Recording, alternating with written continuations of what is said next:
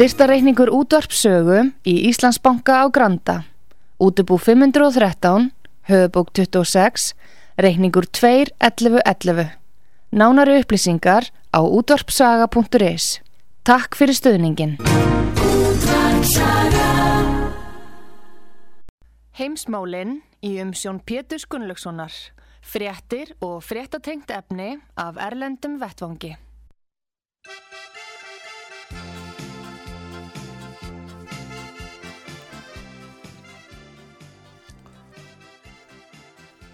Góðir uh, hlustendur, þér að hlusta á útvarpssögu. Ég heiti Pétur Gunnlaugsson og ég ætla að ræða meðan Gustaf Skúlason, fréttamann útvarpssögu í Svíþjóð. Sæl og blessaði Gustaf.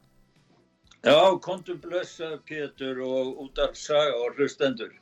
Nú við ætlum að byrja þáttinn heimsmálinn í Glasgow á lofslagsráðstefninu sem laugnunum helgina. Þar var nýr lofslagssamningur samþygtur. Það stóð til að hætta allri kólaframleyslu í áfengum en síðan kom tillaga frá Indlandi stutt af kynverjum um að það ætti ekki að hætta kólaframleyslu, það ætti að draga úr framleyslu og það er niðurstaðan. Já, það er frásagna hérna í Svíþjóði er um sögulega fund með hörmulegum nýðustöðum og það var nú eiginlega það sem var búið að spá fyrirfram að það yrði engar almenlega nýðustöður, það er nú virðist vera það sem er algengast hjá, á þessum fundum en uh, hann sagði að okkur Sjarma sem var fundastjóri, hann var hálf grátandi þarna klökkur eftir að þeir eru búin að vinna langt fram yfir tíman að reyna að ná samkómulagi Þetta var tíu sína skjál og það sem var breytt orðinu með kól að það átt ekki að fasa þau út heldur að fasa niður sem sagt smá saman. Og það voru bara Bandaríkin, Kína og Indland og Európa-sambandi eftir í herberginu þegar þetta kom fram hvernig þetta að vera. Þannig að stemningin sem átt að vera svo skemmtilega, nú hefur við búin að bjarga lofslæðinu, það var bara nei, það er ekki búin að bjarga því. Nei. Þetta er, já, þetta hefur nú gerst áður að vísa. Já.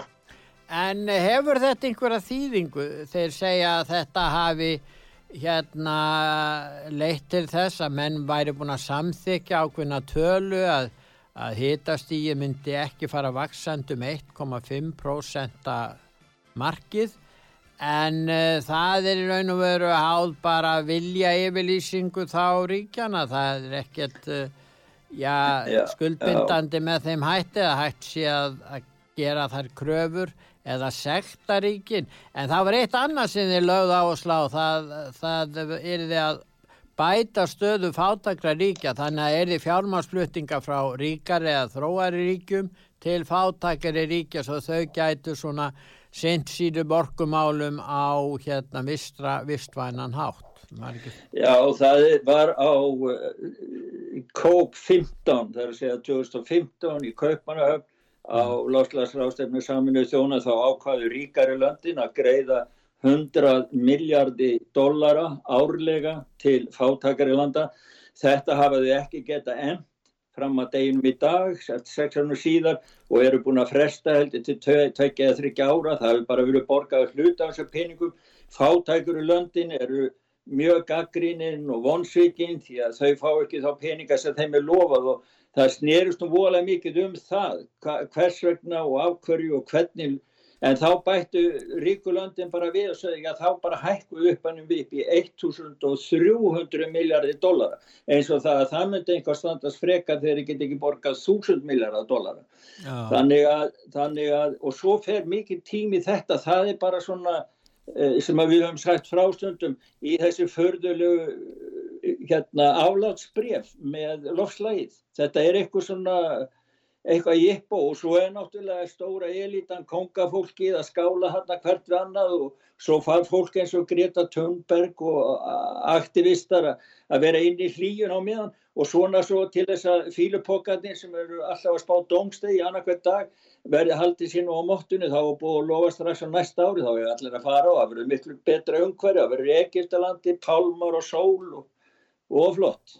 Já þannig að, að þetta er svona vettvangur til að láta bera á sér og vekja aðtikli þú segir, þannig að kemur fólk, kongafólkið og sem já. kemur fram og telja sig á og ymsir fleiri sem vilja auðlýsa sig. En það sem vantar alveg í þessa umræðu er í raun og veru hvers konar hægkerfi vilja þessir hérna uh, sérfræðingar og aðrir sem telja að uh, lofslagsbreytingar stafi á mannavöldum. Hvers konar hægkerfi vilja þeir?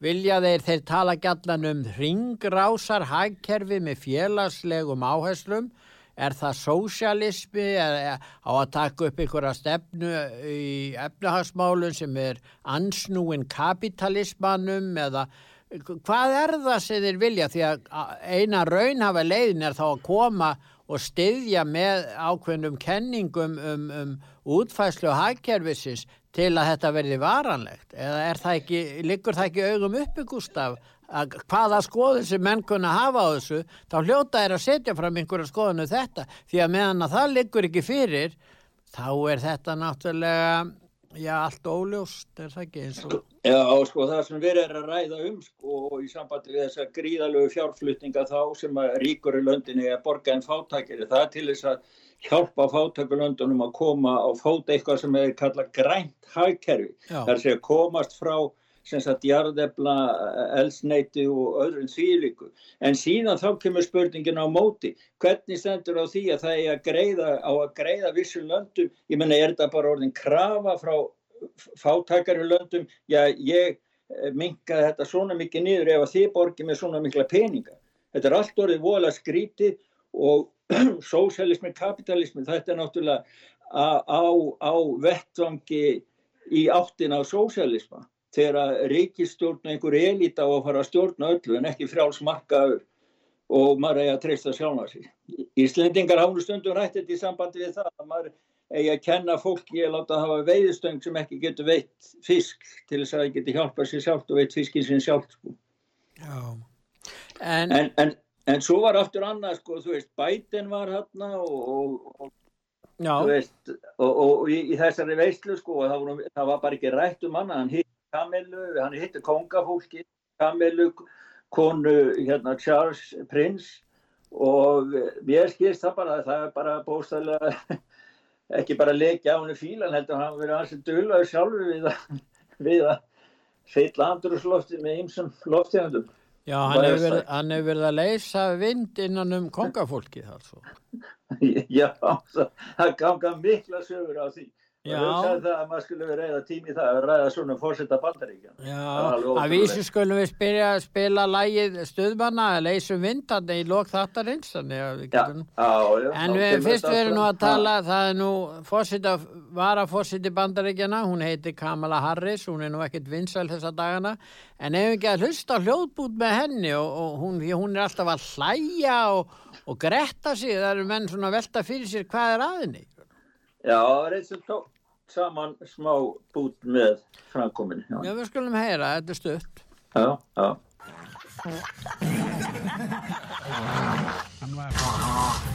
Já,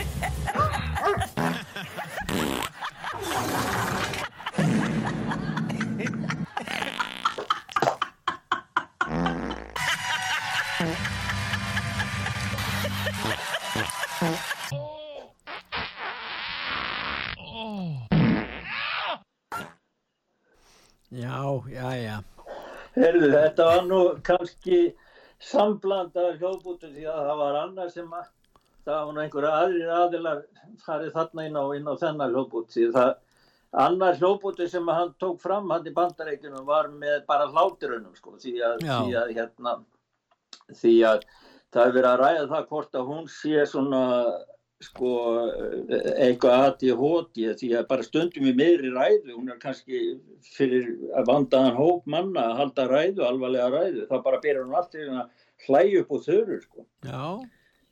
þannig að, að hérna, en samkvæmt skoanakönnun sem er alveg ný núna í bandaríkjanum að þá sko hún er óvinsætli heldur en Dick Cheney sem var óvinsælasti uh, varafórsetti bandaríkjana. Hann hefur tekist að slá það með og það er ekki nema 27 rúmlega prósent sem að finnst að hún sinni sínu starfi vel en 51,2% sem segja hún starfi illa sko. Og ef maður berða sama við Joe Biden þá er, það, er hann með sko 37 allavega, 1,8% segja hann starfi vel en, en 50 eh, og hvað 9% hann starfi illa sko. Já, en Dick Cheney þessi hann hérna var varafósiti Eh, Bú Yngri, George Bush Yngri, hann, hann var varafósiti hans og hann var mjög óvinsall eins og bentur á og hann held í fram eins og, og fósitin þá og fleiri að, að Saddam Hussein væri með gjörðengavopn og hann var nú ekki fyrirgefið það en, en hann er frá Wisconsin dóttir hans er þar þingmaður heitir Liz Cheney og hefur árið frægust fyrir það að snúast gegn Donald Trump í sínu flokki þannig að Ja, þetta er alls saman mjög merkilegt sko. Hún tala mjög mikið um siðferði, hún Liz Cheney, en mér finnst að fyrst hún leggur svo miklu áhuga á siðferði þá ættur hún að tala um siðferði föður síns, það er nú kannski erfitt. Já, það er akkurat sko. Ha. Þeirra fjölskyld allra, það er akkurat, það er að koma ymislegt upp úr því, þeim pókanum. En þeir segja sko, demokrater eru, þeir eru komnir í sko kross núna út af því að hálfgerð bara panik út af Kamilu Harris og segja því þeir segja, sko það er sagt að hún eiðilegja allt og hún ætti ekki að vera með í fórsettakostningunum 2024 Nei. því hún getur kortið er ekki unnið við neinum frá republikanaflokknum segja kem, þetta kemur frá herbúðum demokrata þannig að hún er, sko, þeir eiga erfitt með bæði hana og bætin sko. Já, á sínu tíma þegar hún var í prófkjörnsbaráttunni til að verða fórsiti, hún ætlaði að verða fórsiti og þá hætt hún, hún fekk orki fjármagn eða, eða styrk og hún hafði ekki náðan góðan stöðning þó hún væri frá langstæsta fylginu þar að segja Kaliforníu sem er höfuð víi demokrata og þeir stuttu hann, Kaliforníu menn en, en það döði ekki til þannig að hún náði ekki langt í prófkjörun en hún verður síðan varafósiti efni hjá, hjá Joe Biden og þar með er hún orðin varafósiti Já, já. Já, já, en það er sko, svo er verið að tala um það núna kannski hætti bætin fljótlega, það verður ekki svo lengi við og þá tekur hún tekur við, hún við fyrst, fyrsti, fyrsti fósetti. Já, já, en uh, síðan er það nú þess að ímislegt að gerast þarna í Ameríku, það er dæmis uh, lífefnafræðingur, bandariska hers sem er nú reyndar á eftirlaunum, hann er Dr. Lawrence Dellen, hann er skrifa grein sem er á heimasíðu útvarsögu og það sem hann er að fjalla um það að sumir bandaríkjumenn njóta góðs að því að veðja á og græða á Kína sem seguvegara. Hvað segir þú það? Já, þetta er, ég er álega öllum sem að, að vilja fylgjast með því sem er að gerast bara yfir leitt í heiminum í dag. Þetta er, finnst mér ríkalega frásögn, hún er sönn, hún lýsir í hvernig kynverum tókst að ná yfir Það var frá Jackson rannsóknarstofunum í Maine og háskólum í Norðu Karolínu. Þeir eru þar með eh, það sem við kalla mannmís sem er gera svona tilbrunir með veirur á. Þá eru þeir búin að taka rekta úr í mistnar ymsar ymsa móttakara í mannlíkamnum og þá eru þeir náttúrulega gert í vísindileg skínu og þeir þannig fengu þeir það var Xian Gao frá Kína sem að vann hjá þeim og hann fjett mís með sér yfir til Kína og þar var hægt að þróa áfram á, á að búa til veiru sem, sem að ræst á lungun og núna eru þeir í Kína komni með, þetta er efna vopna program kínverska hersins, þeir eru komni núna með það sem að vanda í mísnar frá vandaríkjanum það er að segja móttakara sem er í heila, hjarta og nýrum manns. Þannig að hann er að vara við að, að hvílik hætta þetta er og það kemur fram að það er fyrirtæki sem að þessi maður stopnaði, sem að síðan tók upp bandarísnafn, þeir fengu bandariska uh, starfsmenn, bandaríkjaman sem að eru þykjustu forstjóra fyrirtæki sinn en hann og annar maður, Xi Jianwang, stjórna fyrirtækinu frá Kína. Og þetta fyrirtæki er í hérna, lífefna heiminum, er í samkjefni þá við bandaríska aðila en, en, en sínir þetta mótel sem kemur að nota því þeir ætla sér að taka yfir öll bandaríkin. Og uh, hann er bara að vara við þessu. Og ég er álega öllum að fara inn á heimasíðu það er til borgaraleg uh, samtök uh, sem eru vinna fyrir öryggi bandaríkjana og það eru áhuga menn og mikið herrmönnum og hersæðingum sem eru á eftirlaunu sem að vinna þar. Og það eru mjög mikið efni sem ættir að lesa um, um þessum á. Nú yfirmaður eh, sóttvarni í bandaríkunum, Dr. Fauci, hann segir að bólefnin virka ekki sem skildi og uh, þá þurfum við að spröyta menn aftur nú. Við getum hlusta á hljóðbút með honum ef við ekki að heyra það þegar hann tala um fleiri spröytur. Já. And if you look at Israel, which has always been a month to a month and a half ahead of us, they are seeing a waning of immunity, not only against infection, but against hospitalizations and to some extent death, which is starting to now involve all age groups. It isn't just the elderly. So if one looks back at this, one can say, do you know, it isn't as if a booster is a bonus but a booster might actually be an essential part of the primary regimen that people should have. But it is not too crazy to think that an outbreak of a novel avian virus could occur in, in, China somewhere. We could get the RNA sequence from that, beam it to a number of regional centers, if not local, if not even in your home at some point, and print those vaccines on a patch and self administer. Já, ég þarf nú eiginlega aðeins að útskýra þetta sko. Þetta voru tvö við töln, settum við saman í eitt bút. Fyrra var við Fátsi á förstu daginn var. Sem að er að vísa í Ísrael og segja Ísraelsmenn hafa verið fyrstir, þeir, þeir eru alltaf búin að bólusetja nánast alla landsmenn. Og nú er að koma í ljós að bólu, eða þessi, þessar, þessar, hérna, þessar bólusetningar hafa ekki skila þeim árangun sem byggist búist var við og, og Nú fjölgar því fólki sem er að fara á spítala í Ísrael. Þannig að þrátt fyrir það þjóðin er öll bólusett að meiraða minna leiti, þá er lítaðir á þriðjusbrautun ekki sem uh, ja, örfunasbrautu, heldur bara sprautu sem er nöðsynlegt til þess að halda í horfunu, eitthvað neginn þannig. Já, það er akkurat, það var það sem var bóðskapur hans, að, að vegna þess að þeir hafa komið staði og þetta er bæði bandaríkun og þetta er út um allan heim. En Ísraelsmenn hafa komið staði að ónæmið hverfur virkni sprautana hverfur eftir nokkra mánu Já, Ísraelsmenn hafa komið stað þessu en þeir voru eiginlega fyrstir, þeir bólusettu alla þjóðuna með Pfizer.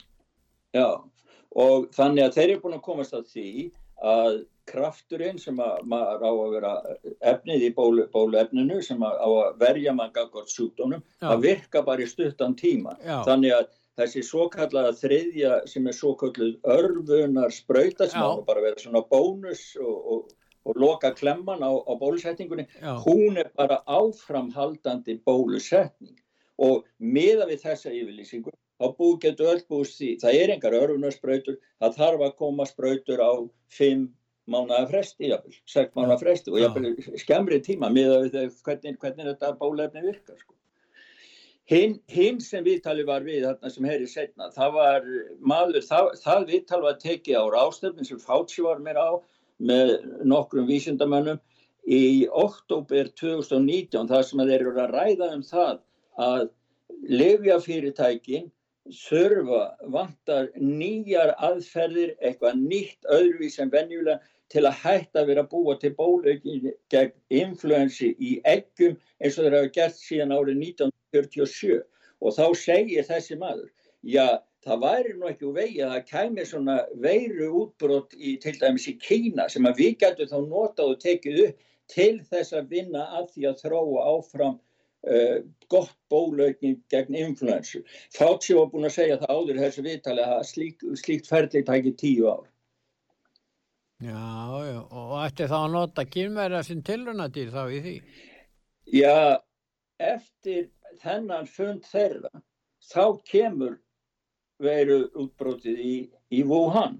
Þannig að það er eins og þeir hafi vita af því þegar þeir voru á þessum fundi. Og þá fær maður þá tilfinningu, ég veit ekki hvað ég sagt það er ég, en maður fær þá tilfinningu að þessu hafi verið sleft út til þess að gefa livjarísonum og bólefna framleitum tækifæri til þess að þróa áfram influensu bólefni á mannkyninu á lifandi fólki í staðan fyrir að vera að gera í einhverjum eggjum eins og þeir hafa gett síðan 1947 eða 49. Já, en e, það sem auðvitað hefur verið að gerast og nú þessari frásögtans Dr. Fauci um ástandi í Ísrael, að það sem er auðvitað að gerast er að e, því var lofað að þessi efni e, þessar hérna, myndu hafa ákveðin áhrif og það hefur bara ekki reynst rétt og og það er ekki, til verða bara að viðukenna það og það er verið að viðukenna þetta núna í staðin fyrir að standi í einhverju afneitun. Þannig að fólk viti í raun og veru hvar það stendur og veit í stað þess að, að segja í raun og veru að bólefnin myndu hafa veitt okkur frelsi nánast engir mjög fái smitist eftir þeir eru búin að fá bólefnin, fær stungur. Og uh, þetta og, og síðan er sagt að allavega þá veikjast þeir ekki og alls ekki illa. Þetta hefur allt reynst ránt því miður segi ég, auðvitað hefði verið best að þessi bólefni hefði skilað árangri. En það er ekkit gagna því að vera að segja við fólk ef þið takkið þessi efni þá er þið í lægi og þá getið bara hafa okkur eins og þið gerðu áður því að það leiðir bara til kæruleysis því eina sem heldur þessu í skefjum er í raun og verið sótvarnir einstak personubundnar sótvarnir Já, eða gera eins og Joe Biden og segja það að, að faraldurinn sé bara fyrir óbólusetta. Já. Því að ein, engin veikist eða degi sem er bólusetta. Já, minna Fauci segir það ekki einu sinni, þó hann, ég menn, hann gerir það ekki. Sko. Það hefur ekkert sagt að heldur áður, sko. En uh, nú er hlæms allir, við erum að tala um stundum um fjölmila og uh, það skiptir miklu máli að fjölmila sé ekki mútað eða eru bara á á hérna launum eða fái greiðslur, háar fjárgreiðslu frá einhverjum uh, alþjóðlegum stórfyrirtækjum. En núna er því haldið fram að Pfizer uh, félag, uh, sem er stærsti livjarís í heimi hann greiðir fjölmiðlum háar fjárhæðir uh, til að uh, bera út áróður eða hagsmunni félagsins, reysa livjarfélagsins. Fyrir þess, já, já. Það er, við erum með, með smá smá hljóp út af því líka sko, við ættum kannski að hlusta á hann.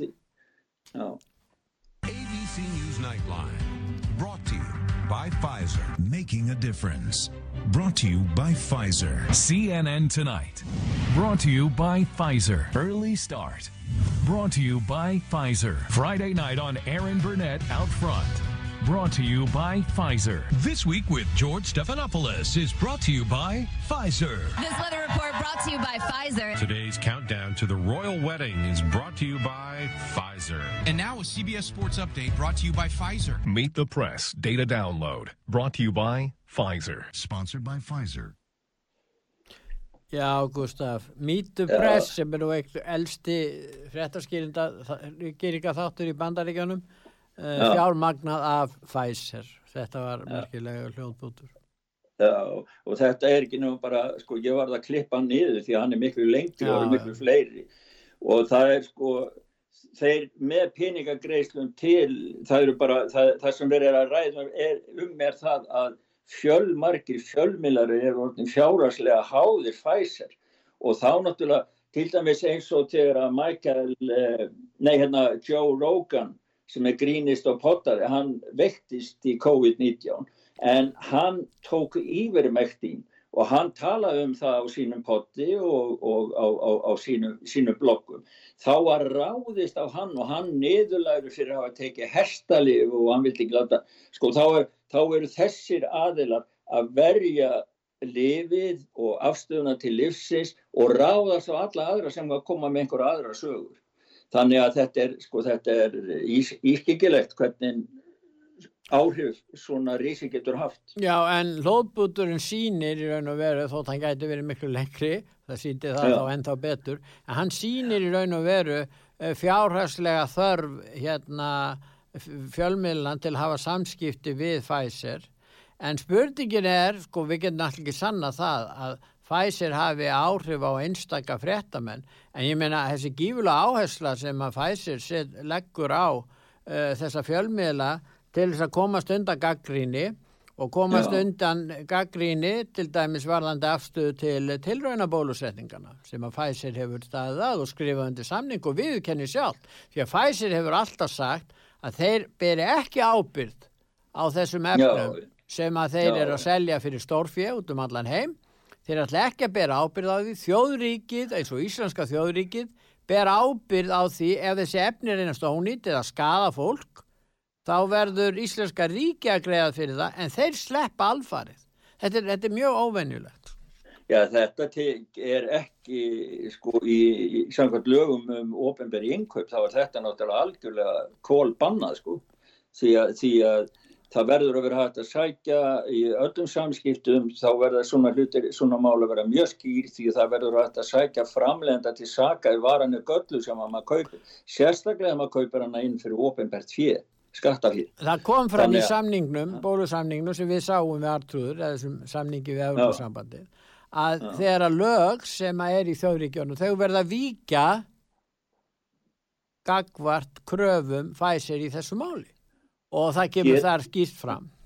Já, en getur stjórnmálamaður eða ríkistjórn sem skrifar undir þennan samning, er svona samningur löglegur, gagvart uh, þeim lögum sem gilda í ríki sem að við komum til skrifar undir fyrir? Það mætti spurja hens vegar, við erum með ráðherra ábyrðalög á Íslandi sem Já. veist að það var beitt gagvart uh, hérna, Geir Hort á sínu tíma það ég veit ekki hvort að þeim verður nokkið beitt aftur en málið er það að þau, þessi, þessi ráðherra ábyrð er lagfest í stjórnarskrá okkar og síðan er ákveðin domstól, landsdómur sem á að dæmi í því. Þetta er dæmigert mál sem að, sem að reynir, þar sem reynir á ráðherra ábyrð. Ef ráðherrar er að skrifa undir svona samninga sem að hérna er eins og segir, brjóti báa við lög, þetta er lögbrot, mm. ráðherra ábyrðalögin og landsdómur, við erum að tala um sakamál Já, og, og, já. og hérna við erum að tala um sakamál og þar sem að viðkomandi aðli getur verið sakveldu fyrir að brjóta stjórnarskramna. Þetta er einu tilfelli sem hægt er að gera það í raun og veru með beinum hætti. Þannig að þetta er mjög aðtiklisverð þessi lög um ráðherra ábyrð en það er eins og menn hafi ekki skilni mikilvæðara en þarna eiga þau við. Svo erum við náttúrulega ekki með stjórnlaga domstól eins, domstól eins og þú veist Gustaf og þá vantar sko domstól að taka á svona vandir tengi stjórnskipan landsins og samningum sem eru hugsanlega ólulir og leynisamningum. Þessi samningar hafa ekki verið byrtir ofinbeglega.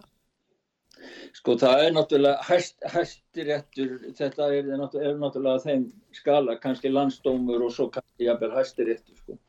En hvernig ná að standa að því? Ég, ég veit ekki alveg hvort að það myndi duga með kæru, einfaldri kæru eða hvernig er þetta að koma svona Nei, það er vandin í sambandi við stjórnarskrárbrot að það verður bara, menn geta not aðilar mál sem er bara í einhverju ágreiningsmáli, þeir geta vísað í stjórnarskrár og þá reynir á það kann að vera í málum að, að, að frá hálfu domstólsis að, taka afstöð til að skort viðkomandi lög brjóti bá við stjórnarskrá.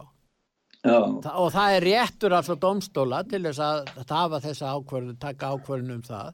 En þó að það sé nú ekki lögfest í stjórnarskranu þá hafa er þennan rétt, þetta er venju réttur að, að þessu leiti og þeir hafa, hafa þennan rétt. En, en hérna sko hugsa, hugsaða Pétur sko, sko í, í nafni neyðarlaga að kaupa vöru sem að maður eru enga hugmynd eða tryggingu fyrir hvernig virki og að það geti skapa kannski skadabóta kröfu sem er ofið að ríkisjóði í, í eftirstöðum. já, Ég meina hver, hvernig, veist, þetta, þetta stemmir ekki sko að sé hægt að leifa einhverjum þó einhver kjörnum fulltrúa að fá slíkt vald. það er af vísu einn lögmaður sem er að eh, undirbúa hópmálsó Já, út af þessum og hann kemur inn á þessu lög þannig að það verður fróðlegt að fylgjast með því hvernig það það verður það. Já, Já. það verður það. Spennandi. En, en þetta er náttúrulega, við erum að tala um sko hérna og svo til dæmis þetta varðandi barnabólu, bólu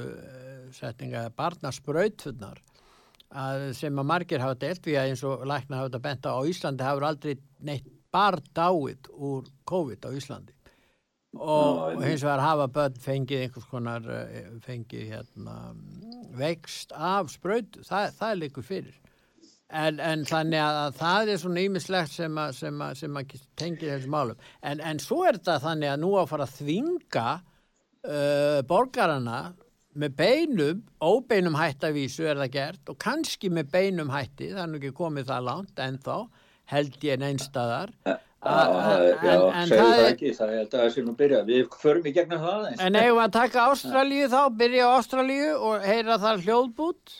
Já, gerum það frá Konráði Pálmarsinni í Ástralíu. Við vorum að ræða, það voru mikil mótmæli núna á lögadagin.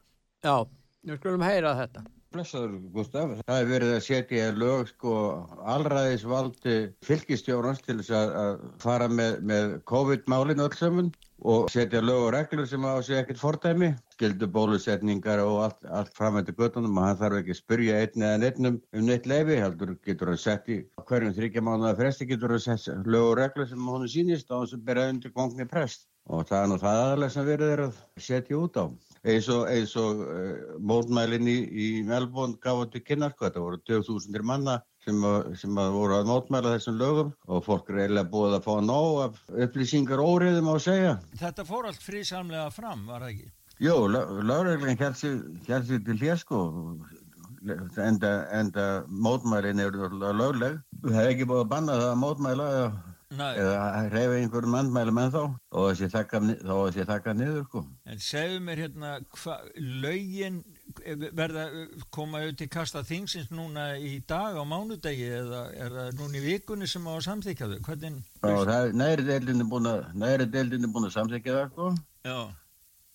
Og nú er þeir að reyna réttleita það sko að gefa, honum þessi völd, ég held að þessi í dag já sem að það á að, að samþykja það eða, eða hafna. Segðu mér frá þessum sektum, þessum brjálaðislegum sektum sem eru þarna, gaf gott fólki óbúin. Já, já, það er, það er sko, í lögunum er það að, að það er hægt að sekta fólk til, sem að brjóta lögin, sko, og þá geta einstaklinga fengið, ég held að séu, 90.000 dólarar fyrir einstaklinga en, en fyrirtæki sem að, sem að brjóta lögin þeir fá nærði halva miljónu eða 435.000 dólara segt. Veistu nokkuð svona og hvað þetta er í íslensku cirka svona? Ég held að séum 8 miljónir fyrir einstaklinga, 8,5 miljónir og uh, hvað?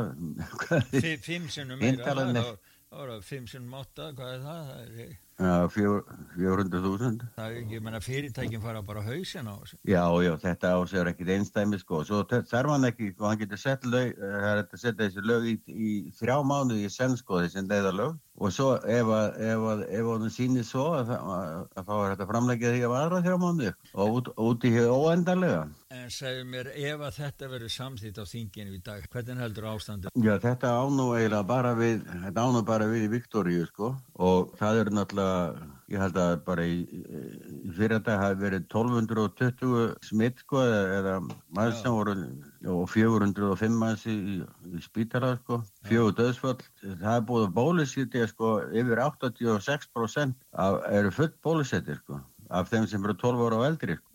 Og samt sem á svona harkalegar aðgerðir. Á bara... Já, það er náttúrulega þá að reyna að fækka smittunum, gerist mér hvernig svo sem þau eru fundið upp þetta er náttúrulega 1200 smitt eru náttúrulega mikið En þetta er ekki, þetta er ekki óbólusettir sem smittast Það er ekki talað um það sko. Þetta, það eru 86% í Viktori sem búið er að full bólusetja á 12 ára á eldri sko. Svo maður skildi nú ætla að vera eitthvað kjærð ónæmið komið sko. En þetta, þetta sýnir bara hvað bólusetningan er að virka lítið sko. Herru, já, já, konmi, nei, herru, ég þakkaði nú fyrir, þetta var nú bara svona stutt að heyra þessi í þér og hérna gott, gott eiga þig að þarna frá ástralífu og ég bara vona þetta gangi og lögin verða feld. Já, við verðum að sjá til hvað skeði í dag. Já, já, þannig er hallinu stefnan í Ástralíu að verða augljós, Gustaf. Já. Og við getum tekið nokkur annar land, Lettland, Östuríki, Þískaland og síðan Danmörk öll þessi ríki er að taka upp harðari stefnu í þessum málum í meiri segja í Lettlandi þá er atkvæðisrétturinn tekin af óbólusettum kjörnum þingmannum þetta er nú, þetta er nú er þetta ekki brot á, á stjórnarskrá Lettlands?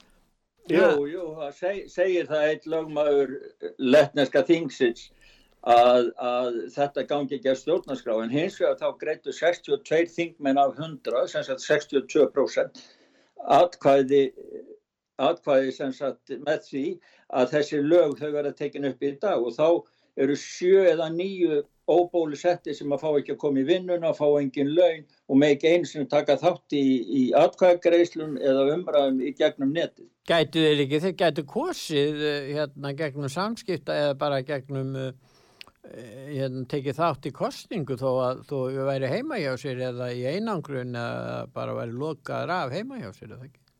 Jú, þeir gætu það en þeir fá það ekki því að eins og þeir segja, þeir ætla að ganga undan með góðu fordæmi sem sagt kjörnir fulltrúar. Þannig að það er bara algjör lókun á þá óbólu settu. Þeir fá ekki neitt. Þeir bara ítt til liðar, þeir fá ekki að vera með lengur. Og síðan er það í Austuríki, eru, þar eru óbólu settum kentum COVID-smitt í Austuríki og uh, þetta er náttúrulega mjög sérkynlegt þar En ég er nú með stóra greinu um þetta og þegar við sjáum þetta á websíðunni útvarsaga.is líka að, og svo er þetta í Þískalandi e, það er svolítið slæmt að þjóðverðir og austuríkismenn eru komin í svona aðskilnaðastefnu ég svona ávið út af fortíðinni. Já, það er sko manni dættinu í hug. Ég sá mynd af svona heilsupassa frá sem var mjög óþokkalegu merki í frá gamlum tíma hérna í Európu og það er bara nákvæmlega, er að þetta var frá nazista tímanum sko. Já. og nazista þeir settu gá út heilbriðispassa gesundhætspass heitir það.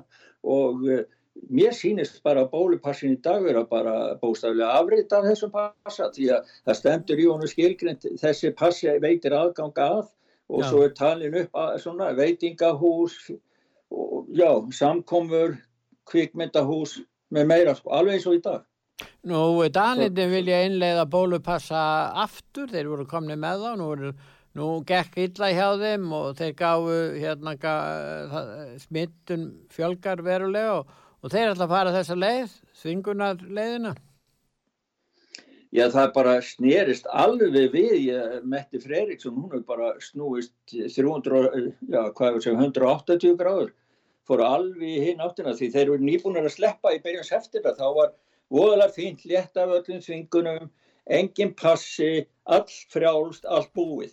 Og svo núna tveimur mánuðu setna rúmlega þá, sko, þá er bara allt orðið eins og það sé bara komið ný, ný alda og allt sé ómöðulegt og þá er sagt það á ekki að leifa litlum hópi eðilegja fyrir hinnum eins og það sé sagt, á ábyrð þeirra óbúlusettu að bólefni virki ekki að til sig einhver veira sem er að síkja fólk. Ég meina óbúlusettur hafa ekkert með það að gera. En uh, reynsla frá Ísrael afsannar þetta sem Metti Fririksen fósinsræðra segir það er lítill hópur sem eðilegu flest fyrir okkur hinnum. Þetta er ekki þannig. Þannig að hvaða skoðun sem menn hafa bóluefnunum eða óbólusettu eða bólusettu fólki að þá er rétt að fara með rétt máli í þessu mál. Það er Já. ekki rétt hjá henni og, það, og þetta sem var að, að kom fram í símatími í morgun, ég veit að við höfum eftir að skoða það, að það voru Já. þarna margir að smittast og það kom ekki fram talanu um það hver margir voru óbólusettir og hver margir bólusettir. Og þá var nú einn innreikjandar að fullir að þeir varu hættir að gefa upplýsingar um það sem ég finnst náttúrulega stórfurðulegt. Ef, ef rétt reynist ef rétt reynist þar að segja. E, Já, já, en þeir í bandaríkjarum þeir, hérna, það var lögfrængur það er til lög sem að heimila lögfræðingum að krefjast upplýsinga af, af ofumri stofnunum. Já. og hann krafðist þess svara frá sóttortanstofnunni hver, hversu margir og, sem hafðu vext af COVID og búi, fengi sagt, eðlilegt ónæmi, hversu marga aðra þeir hefðu smittað. Og svari sem hann fjekk var það, við erum ekki með nein, neina, neitt svoleiðs að skrá hjá okkur. En, það var svari sem hann fjekk. Nú, við ætlum að fara í auðsinga núna og þið er að hlusta á útvarssögu. Ég heiti Pétur Gunnlaugsson og ég er ræðað við Gustaf Skúlason fréttamann útvarsögu í Svíþjóð. En Gustaf, við byrjum þá í Kvítarúslandi eftir auðsingar hér. Það er ímislegt að gerast. Við skulum heyra hlýða auðsingar núna. Heimsmálinn í umsjón Pétur Gunnlaugssonar. Fréttir og fréttatengt efni af Erlendum Vettvangi.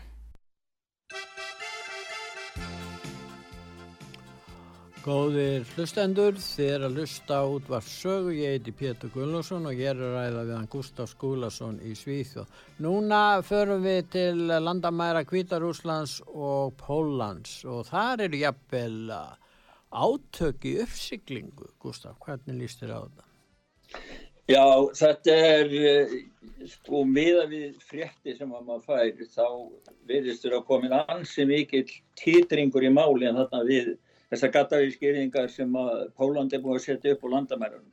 Ásakandina ganga á viksla millir Kvítarúslands og Rúslands annars vegar Pólans, Úgræn og NATO hins vegar og Póland sendi frá sér beini núna til NATO um að þeir myndi aðstúa sig við landamæri.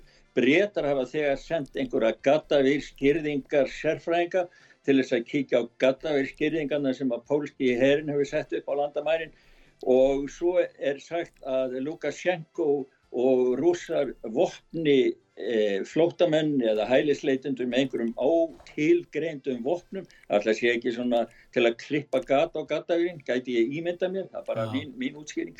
Og, og sagt og svo er gett óalega mikið úr því að rússar með, hafa verið með herreifingar, þeir voru nú með fallífa herrmenn sem að æfðu þarna í Kvítarúslandi og dóun og tveir að slísfurum við það og Já. þá var, var, komum við fréttir um það að rússar var ætlaði að gera árás á Póland og síðan hafa rússar verið með flytning á hermönum við, við landamærin á Úgrænu og það berast fréttir frá Úgrænu það að þeir séu undirbúið innrás í Úgrænu. Þannig að fréttirna sem að fær það er það að vegna, vegna eh, gatavískeringa sem að hælisleitingu geta klift gata á í Pólandi þá er allir rússar að ráðast á Úgrænu og Póland. Þannig að NATO er að koma inn í myndina til þess að skekja leikin og það, ég veit ekki hvernig þetta enda fyrir. En er aðdeglisvert að það nú verið ágreiningar á milli Pólverja og Európa-sambandsins en Európa-sambandi stiður Póland í þessu máli, það er að segja í landamæra málvænu, Gagvart Kvítarúslandi, en Já. það sem Pólverjinn er að gera með gatavískýrtingum er nákvæmlega það sama og ungverjar gerði á sínu tíma. Ungverja voru fordæmdir af Európusambandinu fyrir að reysa gattavískeringar þegar að flót hælisleitindi leituð inn í Ungverjaland en núna stiður Európusambandi Póland þegar að gera slíktið sama. Finnst það ekki merkilegt? Jú, þessi mál eru ansi merkileg líka þegar maður tekur til, til þess að Európusambandi er, fjár, er fjárkúa af Erdogan í Tyrklandi sem fær stóra sumu peninga frá skattfíu eh, meðborgara í Európa-sambandslöndunum en í Pólandi þá, þá og gafkvart Lukashenko þá snýr ekki svo leysa þá er það bara bissan sem á að tala sko. Já, en nú, get, nú hóta kvítrúsar uh, eða uh, þeir hóta því stjórnveld þar að loka fyrir gasflutninga til Evrópu og nú geta þeir, já sko, það er ekkit annað fyrir Evrópun að semja við kvítrúsan að hætta þessum þvingunir aðgerðum vegna þess að annars bara, er ekki bara spurningum að átökur í uppsiklingu, heldur það verið loka fyrir gasflutninga til Evrópu og Evrópa hefur sannanlega ekki efna á því. Já, Lukashenko var nú ekki náður í orðu sínum galt eh, kollegum sínum í eh, Lettlandi og Litáen og, og, og Pólandi og og sagði það að við höldum ykkur hei, sjáum til þess að þið geti ha, haft hit á ykkur á jólunum en hvernig verður það ef við skrúum fyrir gasi sann en svo er náttúrulega hinn hlýðin á málunni þetta er gas sem hann á ekkit í þetta er gas frá Rúslandi Já. og rússar hafa mikla tekjur af þessu. Þeir eru núna komnið með Nord Stream 1 og 2, ég veit ekki hvort að þessu er búin að taka nú með 2 í gagni þannig að þeir hafa aðra leiðir ef að hann loka fyrir gasið. En ég er ekki vissum að Putinir er hefina því Nei, hann mynda að leggja í það að fá rússana líka upp á móti sér. Nei, ég, það, það er vast ég um að hann fari út í en, en sko ástandi það er bara fréttaflutningur á þessum málum Ma, mann er bara blöskra því að ef einhvern nærrar er að býða góðan dag í Moskvu þá bara eh, dettur liðið af, af, af svölunum í, í Brussel sko En þetta er svo enkelett með þessa flutninga til landamæra Pólans. Þetta er, uh, fyrst voru það fyrst, voru það fyrst og fremst hælisleitendur eða efnahagsflótamenn frá miðausturlandum. Núna koma þeir frá Afriku og frá Kamerún og Mali þeir eru að koma hérna.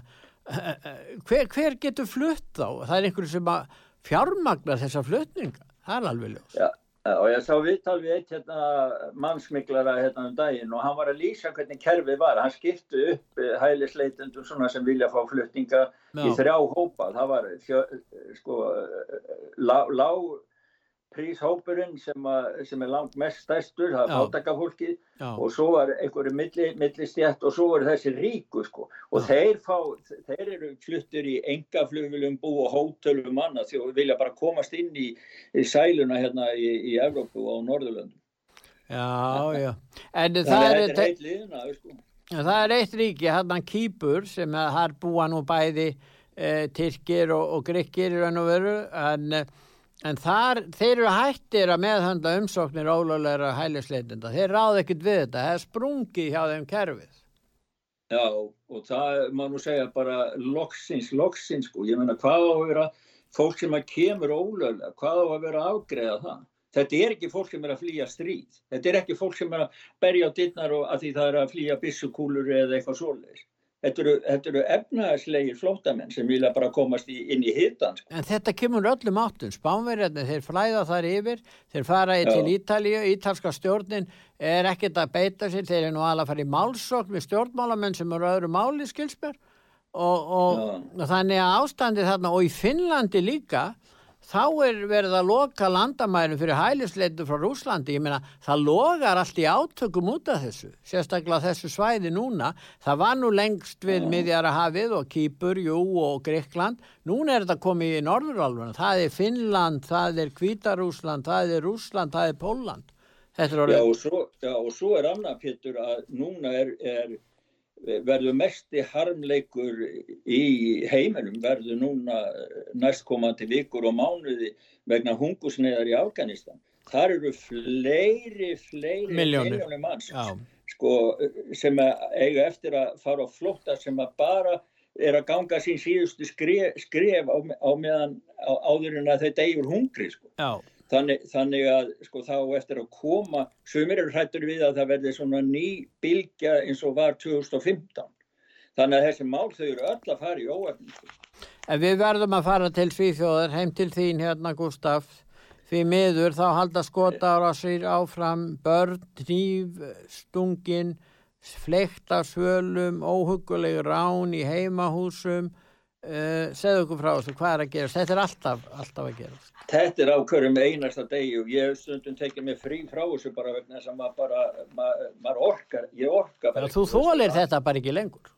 Nei, ég, ég þólir þetta ekki lengur, ég fæ bara óbræðið munnin, ég menna að hafa hverjum einasta degi, sko, maður skótin í alins og sé bara tekið nokkra fyrirsagnir núna bara síðustu daga, sko, maður skótin í alins, svo tveir skotnir í bíl í, í, Stokkólm á, á förstu daginn, annar döður, persónskótin til döða við skóla í Efle, hörð á fjölbílishúsi sprengt í tætlur í Helsingjaborg skotárveisir á ofnbærum stað í, í Linköping þrjár skotbardagar uh, tveir skotsærðir á 50. kvöldi í Farsta og, og Malmö og Staffansdorf og svo núna tók þetta alveg út þegar maður var að lesa um þessi vesalingsbörn Men ég meina, þegar maður sér svona frétt, þetta var í, í gær, hérna, Já, í já.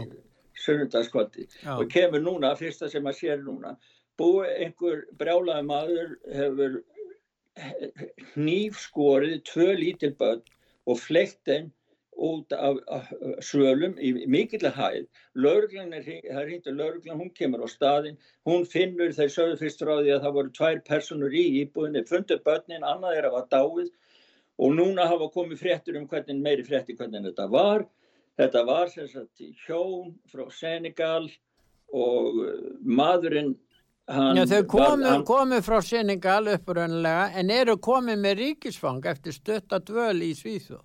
Já, og hann kom til Svíþjóða sem heimflýtjandi árið 2006, Já, gerir sænsku ríkisborgari 2011, já, gifti sér tveimu vikur eftir það og með, með senegalski konu sem kom síðan árið eftir til Svíþjóð. Já. Og þau egnust tvö börn, stúlkubarn árið 2014 og núna drengin sem er dáin árið 2018, hann er bara 30 ára gammal og stúlkan er bara 6 eða 7 ára já, þannig að þetta er sko, sko og hann skar sjálfan sig eftir að hann var búin að flega börnunum að, til þess að, já ég veit ekki út af hverju. Nei, og e, konan sem var gripin, það er ekki ennþá uh, komið fram hvort hún sé móði barnan eða hver hún er en það hefur komið fram að hún er ekki sænsku ríkisborgar. Þannig að sko, nú eru viðtöl, við fólk, nágrann og aðra, þetta er alltaf sama sagan. Þetta er alltaf bara endurtekning, endurtekning, meira og meira og meira blóð.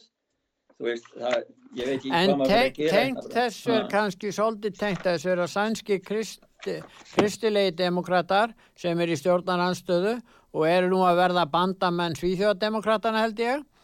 Þeir vilja banna skildleika sambönd inflytjenda og þvinguð skildmenna hjónabönd eru já oft á tíðum barnahjónabönd. Þetta eru þetta eina af þeim breytingu sem fylgir þessari stefnu um opin landamæri eða hálf opin landamæri, að.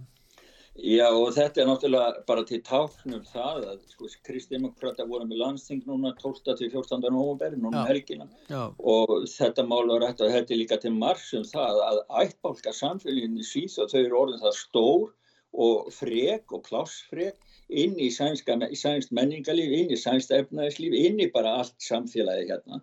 Að þetta eins og ég sagði síðast þá þá, þá er þetta vandamál, kennarasambandi er komið í þetta, þetta er komið nýri í leikskólana, ég menna það verður að mismuna börnum, það er ekki lengur hægt að kenna sænska menningu, börn get ekki leikið sér saman eins og venjulega því að það er einhverju brjálæðingar sem er kenna börnunum sínum að, að þau að giftast frænkun sínum, kennarinn er með ekki vera með bera handleggi og, og, og þar frammittu götun, það er náttúrulega verður, samfélagi hérna verður er að byrja að vakna að rýsa upp og þetta er bara eitt partur í því.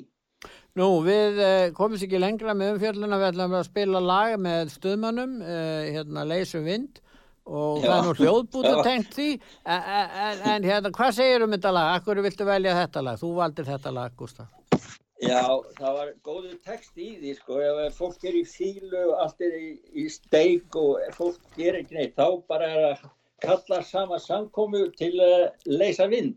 Og það er nú það sem að Er, þetta er eiginlega bara svona uh, samantekt á vindleysingar rástefnu saminuð þjóðuna í Glasgow COP 26 Já. þetta, og mér finnst að stuðminn hafa þegar samt þetta lag hvað 2000, nei 1900 já, var fyrir aldamótin. Það er orðið svo langt síðan. Þannig að stjórnmálamenn eiga að leysa vandamál en ekki leysa vind. Akkurat, naglinu Já, einmitt. Við skulum þá lusta á stöðum en þeir eru alltaf góðir. Það verður að viðkenna það. Þakkaði fyrir, bless, bless. I'm laughing